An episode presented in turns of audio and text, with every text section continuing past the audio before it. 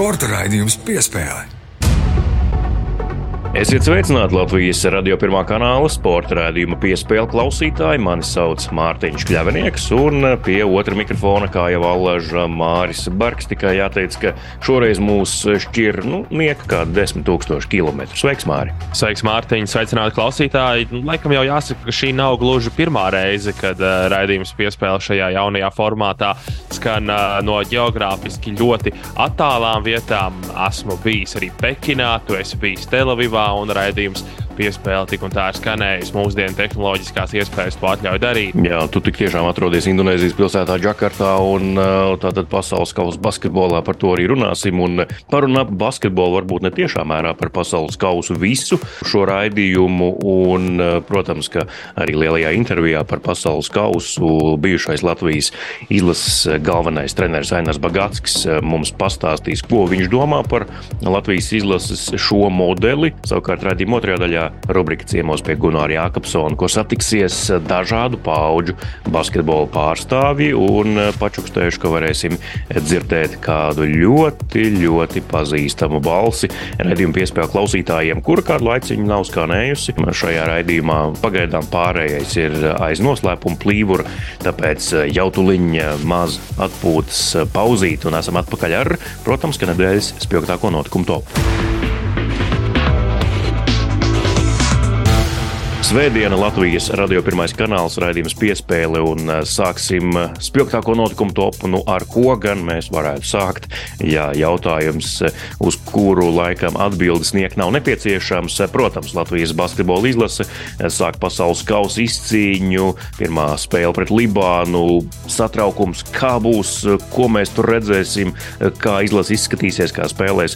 Nu, un jāsaka, ka visi šie satraukumi dzisa jau pirmajās maču minūtēs spēlēs Latvijas izlase izskatījās ļoti pārliecinoši un vairāk nekā ļoti pārliecinoši uzvarēja Libānu. 39 punktu starpība mm, Latvijai par labu un ļoti skatāms mačs un ārkārtīgi tāds um, trekns veids un pozitīvi trekns un labs veids, kā sākt pasaules kausa izcīņu. Māri, ko tu redzēji tur uz vietas Džakartā? Kā viņiem varbūt gāja pirms mača, vai bija kāds satraukums treniņos, vai, vai visi bija atslābināti un runāja ar tevi? Jā, nu pārliecinoši uzvara tik tiešām rezultāts 109, 70. Otrās ceturtdaļas laikā jau tāpa skaidrs, ka tā būs treniņa spēle. Bet mača sākums jau nemaz tik vienkārši nebija. Libāna guva pirmos punktus, viņa arī pavisam nelielu pārsvaru paspēja izveidot pirmajās spēles minūtēs. Un tur Rolands Šmits uzņēmās eh, vienpersoniski uzbrukumā pirmajos metienos. Eh, viņš bija agresīvs un guva punktus. Oturēja Latviju uzreiz spēlē, neļāva Libānai nekur aizmukt. Nu, pēc tam jau viss salikās pa plauktiņiem, izpaudās Latvijas pārsvaras meistarībā, ātrumā. Pirms spēles varbūt tāds neliels satraukums eh, kādam bija. Taču komandā ir pietiekami daudz pieredzējušu vīru, un, protams, arī galvenais treneris Luka Banki ar savu savu treneru korpusu tur visu salika pa plauktiņiem. Gan taktiski izdevās ierobežot Libānas galvenos ieročus. 59% metienu no spēles tika trāpīti, 18 no 35 vai 36 tālmetieniem. Arī tas ir lielisks procents. 18 precīzi trējači, 4. labākais rezultāts pasaules kausa vēsturē. Jautājums, vai Latvija šādu precizitāti var atkārtot divas dienas vēlāk, un tas būs liels jautājums. Nākamā diena, kad ir jāspēlē Latvijas izlasē ir tieši šodiena, un tā tad Latvija-Francija dienas kārtībā. Un, ja mēs tā paskatāmies, kā francūžiem gāja pirmajā spēlē, nu, jo viņus uzskatīja nu, daudzi basketbola lietpratēji par šīs apakšgrupas favorītiem, jo nu, kanādieši nav saspēlējušies, kas to lai zina, kā viņi izskatīsies. Jā, sastāvs zvaigžņots, bet Francija tomēr mm, Eiropas basketbola spēlē ir saspēlējusies. Šie spēlētāji viens otru zina ļoti labi, bet nu, pamatīgs pēriens no kanādiešiem pirmajā spēlē. Francūži to dabūja. Māroja arī šo spēli, redzēja klātienē. Jā, es paliku arēnā un noskatījos arī šo spēli. Tā, protams, bija visa grupu turnīra centrālā spēle tieši mūsu grupā. Tāds gaidītākais duelis šajā mūsu apakšgrupā. jādod uzslavas pirmkārt ir kanādiešiem. Nevajadzētu būt naiviem un domāt, ka francūži šeit ir vāji. Paskatāmies, kādi tur ir izpildītāji savākti. Jā, Nando de Colo, Nikolā Batums, viņi vairs nav savos labākajos gados. Taču joprojām labi izpildītāji. Tas pats Evans Furnē, ļoti bīstams spēlētājs. Abas komandas turējās cieši, bet trešajā ceturtajā Kanādai izdevās salauzt spēli gan ar savu aizsardzību, gan arī beidzot viņi sāka trāpīt metienus. Jo pirmajā puslaikā tomēr īsti nekrita un brīžiem bija tāds sajūta, ka kanādieši vienkārši samierinās, uzmet pa grozu tā vietā, lai pameklētu vēl kaut kādu labāku opciju vai mēģinātu līst uz grozu, tā vietā izpildīt vienkārši metienu. Nu, tāds tipiskais NBA basketbols tur brīžiem arī kanādiešu izpildījumā bija. Bet nebūsim naivi. Francija būs ļoti spēcīga un viņi būs ļoti motivēti, jo Francūžiem vairs nav kur atkāpties. Ja viņi zaudēs Latvijai, viņiem šis turnīrs būs izgāšanās, viņi vairs nevarēs tikt ārā visticamāk nevarēs tikt ārā no apakšgrupas. Jā, nu viss sāks pa īstam. Tagad tā varam teikt tieši šodien un sekojam līdzi, klausāmies, ko Māris ziņo no Džakartas, gan dažādos ziņu un sporta ziņu raidlaikos, tāpat arī īpašajā basketbola studijā katru rītu 8.15. Šajā raidījumā par basketbolu vēl daudz un dikti, bet šobrīd dodamies tālāk nedēļas topā spilgtākie notikumi, un viens no tiem, protams, ir pasaules čempionāts vieglatlētikā, pasaules sporta karaliene un visi labākie pulcējušies Budapeštā, jaunajā stadionā. Agata Caune pirms mm, neilga laiciņa mums eh, šeit raidījumā stāstīja, ko viņa zina par stadionu un ko viņa no tā gaida. Nu, viņai vismaz priekšsacīkstēs eh, ļoti labs sniegums, 5000 eh, metru iekļuva finālā skrējienā arī Agata, bet nu, tas noteikti paliks paliks atmiņā ar to, ka Agate priekšsacīkstais visiem aizskrēja pa priekšu jau pašā skrējiena ievadā, un eh, arī komentētāji bija izbrīnīti, ka tā tas notiek, bet tas ir tas, ko Agate mums māra vai nestāstīja iepriekš eh, sarunā, ka viņai nepatīk sēdēt um, kopā ar pārējām pēdiņās, sēdēt šajā grupā, un, un tad viņai ir jāmaina savs skriešanas temps. Viņas vienkārši skrien, kā viņas skrien, kā viņai ir jāskrien, un ja nu tas sanāk būt visām pa priekšu, nu tad tā tas vienkārši notiek. Pietiekami pietiekami lielu arī televīzijas laiku izpelnījās, protams, to darot, eh, kas arī nekad nav slikti atrādīties gan dažādiem atbalstītājiem, gan vienkārši saviem līdzjutējiem Latvijā un arī citur pasaulē. Sasniegt finālu 5000 metros, kur tomēr dominē Āfrikas valstu skrējējas un skrējēji vīriešu sacensībās, tas jau pats par sevi ir panākums, manuprāt. Ja un izceļam eh, pārējos latviešu startus, tad eh, piekdiena bija tā diena, kad startēja pieci latviešu šķēpmetēji, eh, trīs kungi, divas dāmas, kungiem kvalifikācija, dāmām fināla sacensības. Un ai, kā mēs cerējām, ka šovakar, svētdienas vakarā, pēdējā pasaules čempionāta dienā, mm, pašā vakar sesijā būs kungu šķēpmešanas fināla sacensības. Tās būs, bet mēs cerējām, ka tās būs ar latviešu līdzdalību. Vairāk latviešu, cerams, ka visu trīs, bet, nu, diemžēl, neviens no latviešu čepmetējiem, nu, es pat teiktu, tā nopietni nepietuvojās 80 metru atzīmē, nu, kas ir tāda nu, minimālā robeža, lai vispār varētu pretendēt uz kaut kādu tādu vērā ņemamu rezultātu. Un eh, līdz ar to 21 vieta Patrikam Gailumam, tā ir labākā pozīcija, un tālāk jau tur uh, Rolandam Strobinderam 29. Gatim Čakšam vispār 33. apsteidzot tikai divus konkurentus. Uh, nu jā, vīri, um, ārkārtīgi bēdīga situācija šķērpmešanā, bet uh, savukārt dāmas iepriecināja. Līna Mūzes irmā laikam tomēr visu savu jaudu izlika pēdējā metienā kvalifikācijā, kur šķēps lidoja 63,5 metru tālumā savukārt nu, jā, tikai 58 metru fināla sacensībās. Tas deva 9. vietu, bet Anita Kociņa līdz pēdējiem sestajam metienam cīnījās par pasaules čempionāta bronzu, nu, un tur ar pēdējo metienu Japāniete, kas bija galvenā favorīta, izrāva zelta medaļu uzvaru, un tad nobīdīja Aneti uz 4. pozīciju, bet Anetai vēl bija pēdējais sestais mēģinājums, un viņa varēja pacelties eh, nu, vienalga uz kuru vietu, gan uz 3., gan uz 2., gan uz 1. Bet, nu, diemžēl, diemžēl eh, metiens nebija pietiekami sekmīgs. Jā, 62 metri, kas bija labi, bet, nu, diemžēl, vajadzēja mest tālāk, lai izcīnītu bronzu, bet arī Ceturtā vieta - lielisks sasniegums Anetei Kociņai šķērmešanā.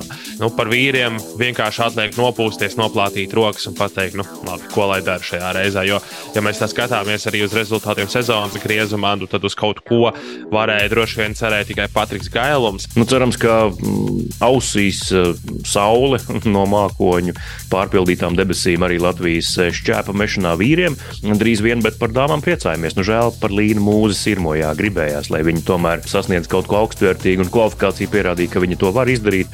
Mm, ar kvalifikācijas rezultātu viņa būtu tik tiešām tikusi pie bronzas. Šodien beidzas pasaules čempionāts. Nu, tad gaidām arī jaunos eh, infrastruktūras objektus, pirmkārt jau manēžu Rīgā, lai vispār ir eh, tie apstākļi un mainīgie, kur dēļ mēs varam sacīt, ka jānāk ir labākiem laikiem Latvijas vieglatlētā. Kā, protams, Agatā Zaunas, pilkts talants, eh, tas ir viens no argumentiem, bet, nu, lai tas nebūtu tikai tāds nu, piemēram, Kristapa Porziņa variants, ka piedzimst viens spilgts talants, bet būtu daudz tādu un varētu izveidot um, basketbolu šajā gadījumā vieglatlētīgas izlasi, nu, tad ir jābūt labai infrastruktūrai un sistēmai. Un, bet mēs savukārt liekam punktu nedēļas topam, pietiekami daudz jau ir runāts un pārrunāts, un mm, jau to līņa lielā intervija pie mums ciemos bijušais Latvijas basketbola izlases galvenais treneris Ainars Bagātskis.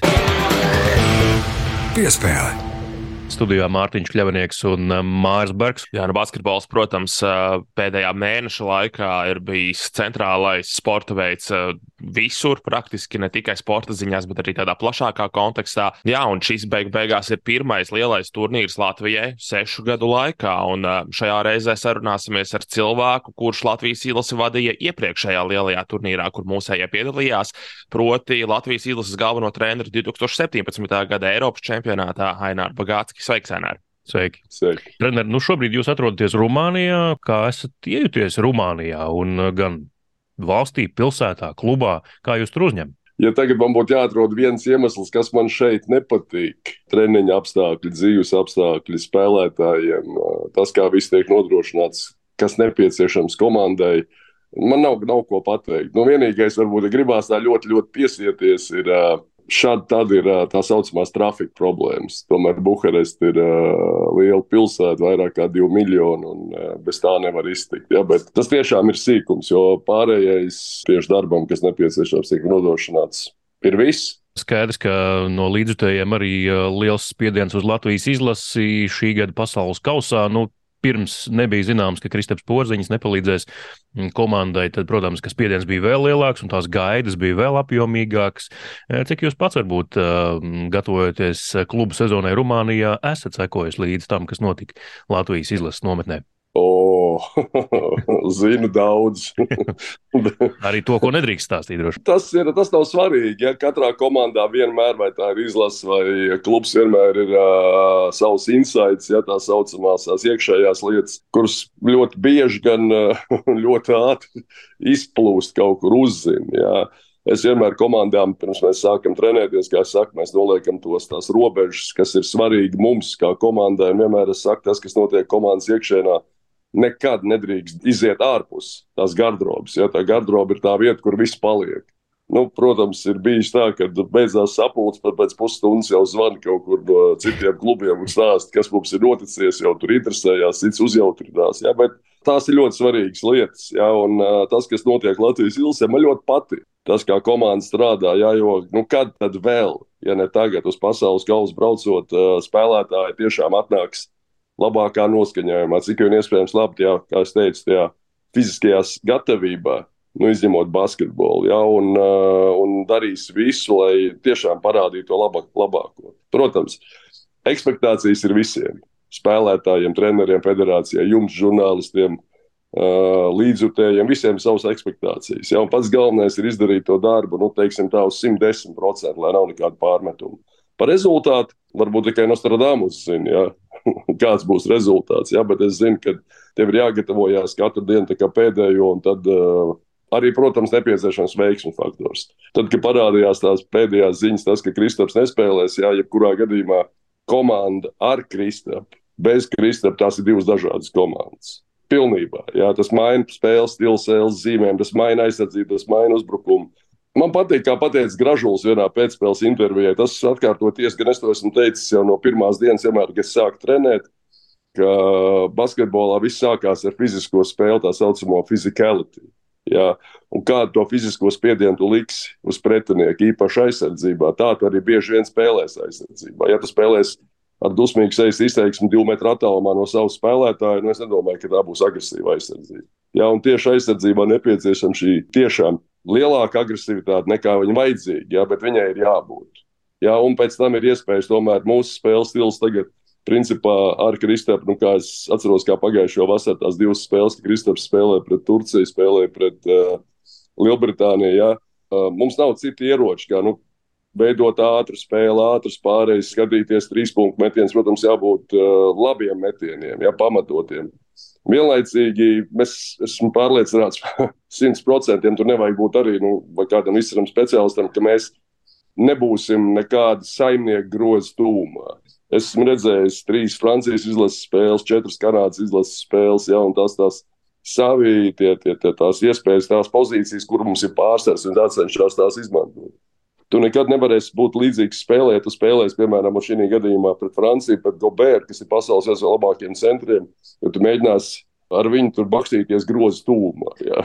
Tāpēc vienmēr jāmeklē tas savs, kur tev ir tas pluss spēlē, pozīcijā, kaut kādā nu, aizsardzības konkrētā lietā, konkrētā spēlētāja uzbrukumā un ar to mēģināt, eh, kā es saku, sist pa pretinieku vājām vietām. Jā, un, protams, pats galvenais, vai vēl divas lietas, ļoti svarīgas lietas ir pacietība, izpildījums kā parasti un veiksmes faktors. Veiksme ir jānopelna, un parasti ar darbu, ar smagu darbu, to agri vai vēl tas tev atmaksāsies, nopelnīs savu veiksmu. Paši spēlētāji pēcspēles intervijās tagad līdz ar Kristapam izkrišanu ir teikuši, ka nu, tāds viens no Latvijas ieročiem šajā gadījumā parādās tas, ka izlase kļūst tāda neparedzējamāka. Skaidrs, ja ar Kristaps tad visi rēķinās, ka viņš būs tas galvenais, uh, uz kuru tiks spēlēts. Tagad it kā Te Šmīts var samest dāvāts bērtāns, dairis bērtāns, vēl kāds. Vai jūs piekrītat tam, ko spēlētāji domā? Uh, es negribu pateikt, ka uh, būs vairāk. jūs sakat, neprognozējumi. Viņi tāpat bija neprognozējumi. Apstājieties spēle Turcija, apstājieties ļoti bieži, cik tur bija daudz tie pamatotie, tā saucamie labie metieni. Bet arī, kā saka, tie nepamatotie metieni, viņi visi lidoja grozā.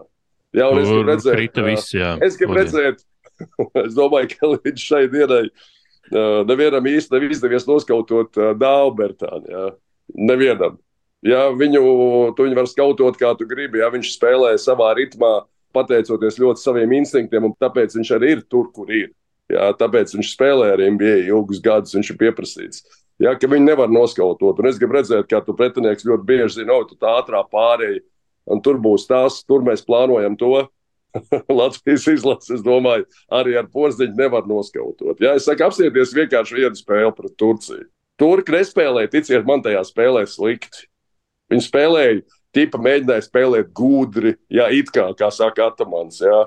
Viņi kaut ko mēģināja, bet tas, kā spēlēja Latvijas izlase, tas bija pāri visiem tam, tam, tam uh, ekspektācijām, ko tu gatavo spēlē. Jā, vienkārši uh, spēlētāji darīja savādāk nekā bija nekā plānoja pretinieks. Ja? Un, tā ir tā neparedzējumība. Un, ja mēs gribam tiešām būt spēlē, ja mēs gribam nevis vienkārši spēlēt, bet gribam spēlēt par uzvaru, mums jābūt neparedzējumiem. Vārdi tiešām nozīmē, mums jāmeklē savs. Nu, droši vien gribētu teikt, nu, ja mēs spēlēsim pareizu basketbolu, tādu prognozējumu, pragmatisku, ar Kanādu, ar Franciju, mums nav nekādu variantu. Vārdi tiešām nozīmē nekādu. Mums ir jāriskē. Mums jāmeklē savs, mums ir jābūt, tiešām nozīmē neprognozējumiem. Tad ir iespēja aizsierties pacietīgi īstajā brīdī, izmantot tās savas, iesagaidīt iespējas un izmantot. Ja jūs paskatāties, kā tagad spēlē Kristaps, kā tagad spēlē Rolands, ja tie ir nosacīti, viņi jau dara tās pašas lietas. Bet viņos ir tāds iekšējs miers, viņos ir nosvērtība. Viņi ir pieņem pārsvarā labus lēmumus. Viņi nekur nesteidzās. Jā.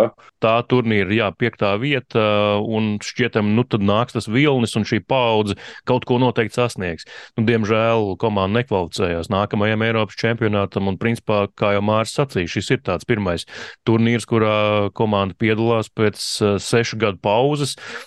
Vai jūsuprāt, nu, nav pamatota tāda neliela nožēla par to, ka nav šī paudze sanākusi kopā vēl uz kādu turnīru un parādījusi kaut ko un sasniegusi? Mēs jau visi mīlam meklēt tos attaisnojumus. Nu, tur nesanāca, tur neiekrita, tur neatbrauca, tur es neiemetu, man iemetu un tā tālāk. Jā. Nu, manuprāt, nav attaisnojumu. Izdarīja vai neizdarīja. Es mēģinu visu laiku, tikai brīžiem, kaut kādās situācijās citēt Sandu Ozoliņu vārdus. Kādreiz, uh, nu, kad es biju Latvijas izlases treneris, es vienmēr uz katru to sagatavošanas posmu aicināju kādu cilvēku, kad, ja bija iespējams, sportistu, arī nesportistu, kas kaut ko ir, nu, maigi sakot, sasniedzis pasaules kontekstā, sportā vai kādā citā sfērā, jā, kurš ir atpazīstams un uh, lai viņš vienkārši parunājās, pastāsta savu kaut kādu redzējumu par lietām. Man patīk, kā Ozoliņš pateica. Viņš teica, protams, treneris izstrādā taktikas plānus, stratēģijas, tur aizsardzības uzbrukums. Viņš teica, bet tikai mēs spēlētāji nolemjam, vai mēs to varam izdarīt vai nē. Un tas ir viss tas, ko es iepriekš runāju. Kad tu savācies, kādā kondīcijā tu atnāc. Kaut kā jau nav svarīgi tas, bieži vien, ko tu spēlē. Svarīgi ir, kā tu spēlē. Ja tu neesi fiziski trenējies, tu neesi fiziski gatavs, tu nevari nospēlēt, tu nevarēsi parādīt savus talantus tiešām savs basketbola talants. No otras puses, ja tu būsi fiziski gatavs, spēcīgs, jā, tu parādīsi ne tikai to, ko tu vari, bet tu būsi arī izturīgāks. Tu ilgākā laika termiņā to varēsi darīt. Un tad nebūs jāmeklē attaisnojumi. Protams, mēs varam tur kaut tagad sākt analizēt, tur, kāpēc. Kāpēc tur tajā spēlē, kad uh, treneris bija tāds, zaudējām to spēli, kāpēc zaudējām to spēli. Bet tur ir ļoti daudz uh, arī, nu, teiksim, tā, tā, tas priekšvārds, kāpēc tas tā ir. Jā, nedrīkst aizlaist tādai situācijai bieži vien. Nevajag aizlaist tādai situācijai. Jā, es domāju, to jāsāk. Un uh, tur jau runājam par šito komandu. Tagad par pasaules kausu es neredzu vispār nekādas problēmas. Spēlētāji tiešām super motivēti. Tas ir skaidrs. Vai ar to pietiks, nezinu, lai izcīnītu izcīnī pasaules kausu. To laiks rādīs. Nu, vismaz 20. kā tikt, lai tiktu Olimpiskajā kvalifikācijā. Tas jau būtu. Nu, mums ir jāstāda, mums ir vienmēr jāstāda augstu mērķi. Vienmēr. Piespēle. Kārtējā svētdiena, un šī ir mēneša pēdējā svētdiena. Tāpēc uh, atkal Gunārs Jākapsona veidotā rubrika, un šoreiz pie viņa studijā satiksies dažādu pauģu Latvijas basketbola pārstāvji, bet savus viesus Gunārs jau to viņa pieteiks pats. Ciemos pie Gunāra Jākapsona. Pasaules kausa Latvijas basketbola simtgades zīmē. Tāds ir šīs tikšanās moto. Un mani šīs dienas ciemiņi ir pazīstamais treneris Jānis Rimbenieks, kurš nesen kā atzīmēja skaistu dzīves un darba jubileju. Vēlreiz Jānis, sveicam. Jā. Bijusī TTT basketbolista divkārtē Eiropas kausa ieguvēja, mana ilgadīga radiokolēģe Ineta Kresa Katkovska. Sveika! Labdien! Ilganējas manīt šeit studijā. Un Eiropas U20 čempionāta sudraba medaļas ieguvēja kontinenta simboliskās izlases dalībniece TTT spēlētāja Vanessa Jasa. Labdien! Labdien. Trīs dažādu pauģu cilvēki, kurus vieno basketbols. Bet kā labi tieši basketbols un kā jūs tajā ienācāt? Nejaušība, ģimenes tradīcija, likuma sakarība. Nu, man ir divas vecākās māsas, viena Ināra, otra arī. Ināra spēlēja basketbolu Dienāmo komandā, arī trenējās pie Augusta Traubēna, un pēc tam arī TTT meistarkomandā kļuva par seškārtēju Eiropas čempionu kausa ieguvēju, tautas partakijāžu uzvarētāju. Tā kā mazam Jānim nebija mājās jādzīvo, viņš jau no 5 gadu vecuma tika aicināts, un arī es to izmantoju. Gāju gan pie vienas māsas, Ināras pie treneru Jūras Silarāja. Kā jūs zināt, Jūras Silarājs bija arī Latvijas pirmās brīvvalsts izlases spēlētājs, un Augusts Raubēns ir viens no tiem treneriem, kas ir ļoti daudz sagatavojis TTT komandai sieviešu kontingentu. Nu, ja par sievietēm, tad turpinām. Es laikam turpināšu. Man Tā kā visi ģimene ir sportisti un no visām pusēm viss ir iesaistīts sportā, es teikšu, ka es sava rakstura dēļ atradu basketbolu. Ko nozīmē rakstura dēļ? Es esmu ļoti uzstājīga, un uh, vispār es, man vecāki negribēja, lai es spēlēju basketbolu. Tikai tad, kad es sāku iet skolā, pirmajā klasē, man draudzenes gāja basketbolā, un tad es viņas tā teikt, tas bija diezgan interesanti. Bija tā, ka es viņas izsekoju, ja viņas man nestāstīja, kur viņas iet, un tad es ieraudzīju to zāli un to bumbu, un tad izrādās, ka mana pirmā trenere Mudīda Gūtmane kopā ar manu tēti mācījās. Un tā es iesaistījos tajā basketbolā, tā arī paliku, jo man patika, un tad vienā brīdī padevās, un tad es domāju, ka Jā, tas ir mans stāsts. Bet tev viņa teica, nebija basketbolists, bet vieglatlēts, cik es atceros. Tētis bija vieglatlēts, māsa mākslas vingrotāja, mamma sporta vingrotāja, bet es eh, pēc divām klasēm Emīļa Dārziņa speciālajā muzikas vidusskolā, tomēr tā laika tas sportiskais gars ņēma virsroku. Nu, un tiklīdz es nokļuvu sastajā vidusskolā, tur bija gan sporta skolotājs, gan treneris Andris Purkalns. Nu, es domāju, ka tas visu izteica. Es paliku basketbolā, sākās treniņu nometnes Kaibalā. Visu vasaru mums bija bezmaksas nometnes, bija, protams, arī Eh, jāravē skrejceļi, jāmizo kartupeļu virtuvē, bet viss bija bez maksas. Es domāju, tagad jāizsūta bērnus uz desmit dienām uz nometnēm un barga nauda jāmaksā. Nu, ko var desmit dienās iemācīt, vai ne, treneri? Iemācīt var, bet, nu, bet pa īsi. Nu, jā, nu, šogad Latvijas basketbolam apaļa jubileja. 26. novembrī apritējis gadsimts kopš dibināta Latvijas Basketbola Savienība. Un basketbols pārdzīvojis dažādus laikus, par ko atgādina arī izcilā kinofilma Sapņu komanda. Taču, ja paraugāmies virsotnēs, un tādu nav mazums, tad kāds periods, kādas komandas, kādi sasniegumi jums pārsteigumos šķiet tie būtiskākie mūsu basketbola vēsturē? Zelts. Arī zelts. Kurš zelts? 3 pret 3. Tas jau tomēr ir basketbols arī. Nu jā, bet zelta bija arī 35. gadā, 5 pret 5. Tā kā tur notikumi ir ļoti, ļoti daudz, kā tev ir. Notikumi ir ļoti daudz, un uh, 60. un 80. gadi, TTT triumfa laiks, protams, un sapņu komanda jau tevis pieminētā, tie tie notikumi, kas bija, ir un būs. Un, Manuprāt, ja runājam par dāmu basketbolu, tad, protams, ka TTT dibināšana bija tas 58. gada 5. novembris, kas iezīmēja dāmu basketbolu triumfu turpmākajos gados, bet par to droši vien detalizētāk pieminēšu tikai jau Vanesas pirmo treneru Mudīti. Gūtmani mums kopā bija iespēja arī spēlēt TTT komandā, un es domāju, ka tās ir tās personības, kas praktiski basketbolā un sportā dod to pamatu akmeni, un tad tāpēc mēs tur esam, jo es personīgi varu teikt, ka basketbols man dzīvē ir devis visu. Uh, gan um, mīļoto sporta veidu, gan ģimeni, gan bērnus. Un, uh, mīļoto darbu beig beigās. Mīļoto Uz darbu. Tieši tā. Un tagad, un tagad arī olimpisko kori. Nu, Tas lūk, arī jā. man ir viss secīgi. Jā. jā. Nu, tu minēji personības skaidrītas, Mildziņas, Silvija Krodera un Jāna Simjonova. Tās bija patiešām izcils personības, un šie vārdi zelta burtiem ierakstīti mūsu basketbola vēsturē. Bet tu, Inīte, savu laiku biji atslieciniece kādam īpašam notikumam basketbola dzimtenē saistībā ar uļas izcilo sniegumu. Izstāst lūdzu par to. Um, vispirms, paldies, laikam, arī mums jāsaka ir um, Džeimsam Neismitam par to, ka viņš Protams. šo basketbolu ir izgudrojis, un tie paši pirmsākumi esot bijuši metieni persiku grozā, tā radās šī spēle. Un, nu, tā laikam arī nav nejaušība, ka tajā 93. gadā, kad Uļu kā pirmo Eiropas sievieti uzņēma pasaules slavas zālē, mums bija arī iespēja uzlikt roku uz plecu. Nu, ne gluži īstam, bet nu, bronzas neizsmitam. Protams, viņa figūra tur ir, jo tā ir viņa. Eh, vārdā nosaukt šī slavas zāle, un tas ir milzīgs notikums. Bet, ja mēs varam attīt mazliet atpakaļ, tad es gribētu teikt, ka tā pirmā komanda, kurā ir arī arī Rimbenietis spēlējusi, un tavs pieminētās leģendas, tajā bija arī Dzintra Čiepe Baka, tātad Anetes Jēkabsons Žagots vecmāmiņa. Nu, tie notikumi, protams, es gribētu arī pieminēt uh, Latvijas izlases tikšanu uz Olimpisko turnīru Tu domā, 8. gadu, jā? No, 2008. gads mm. Pekina, jā kur man arī bija tā iespēja strādāt un redzēt arī, kā, kā mūsu meitenes cīnās.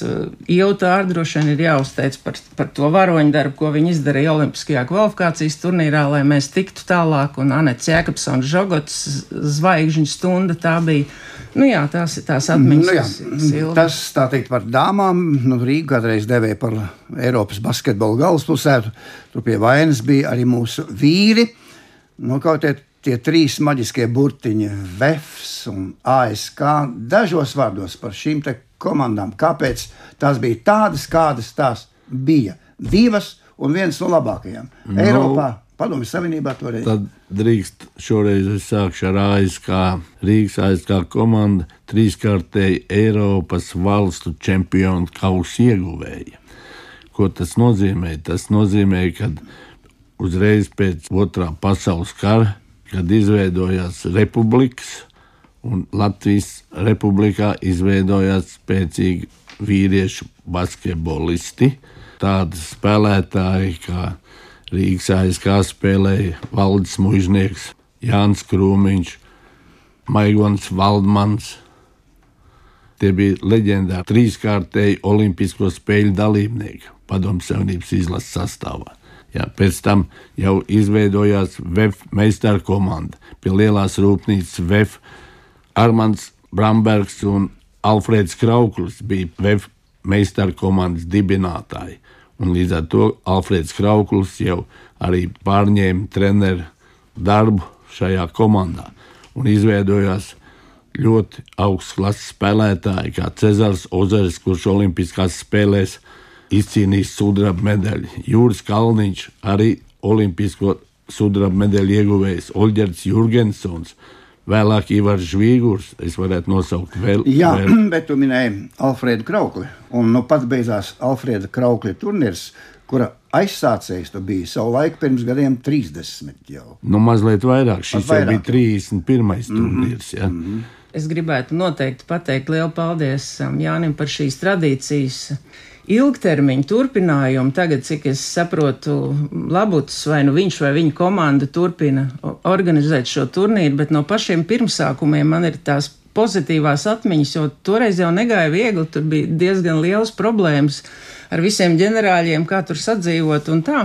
Bet eh, tas, ka šis turnīrs ir ne tikai meistarības ziņā ļoti svarīgs un arvien plašāks, tiek organizēts arī starptautiski.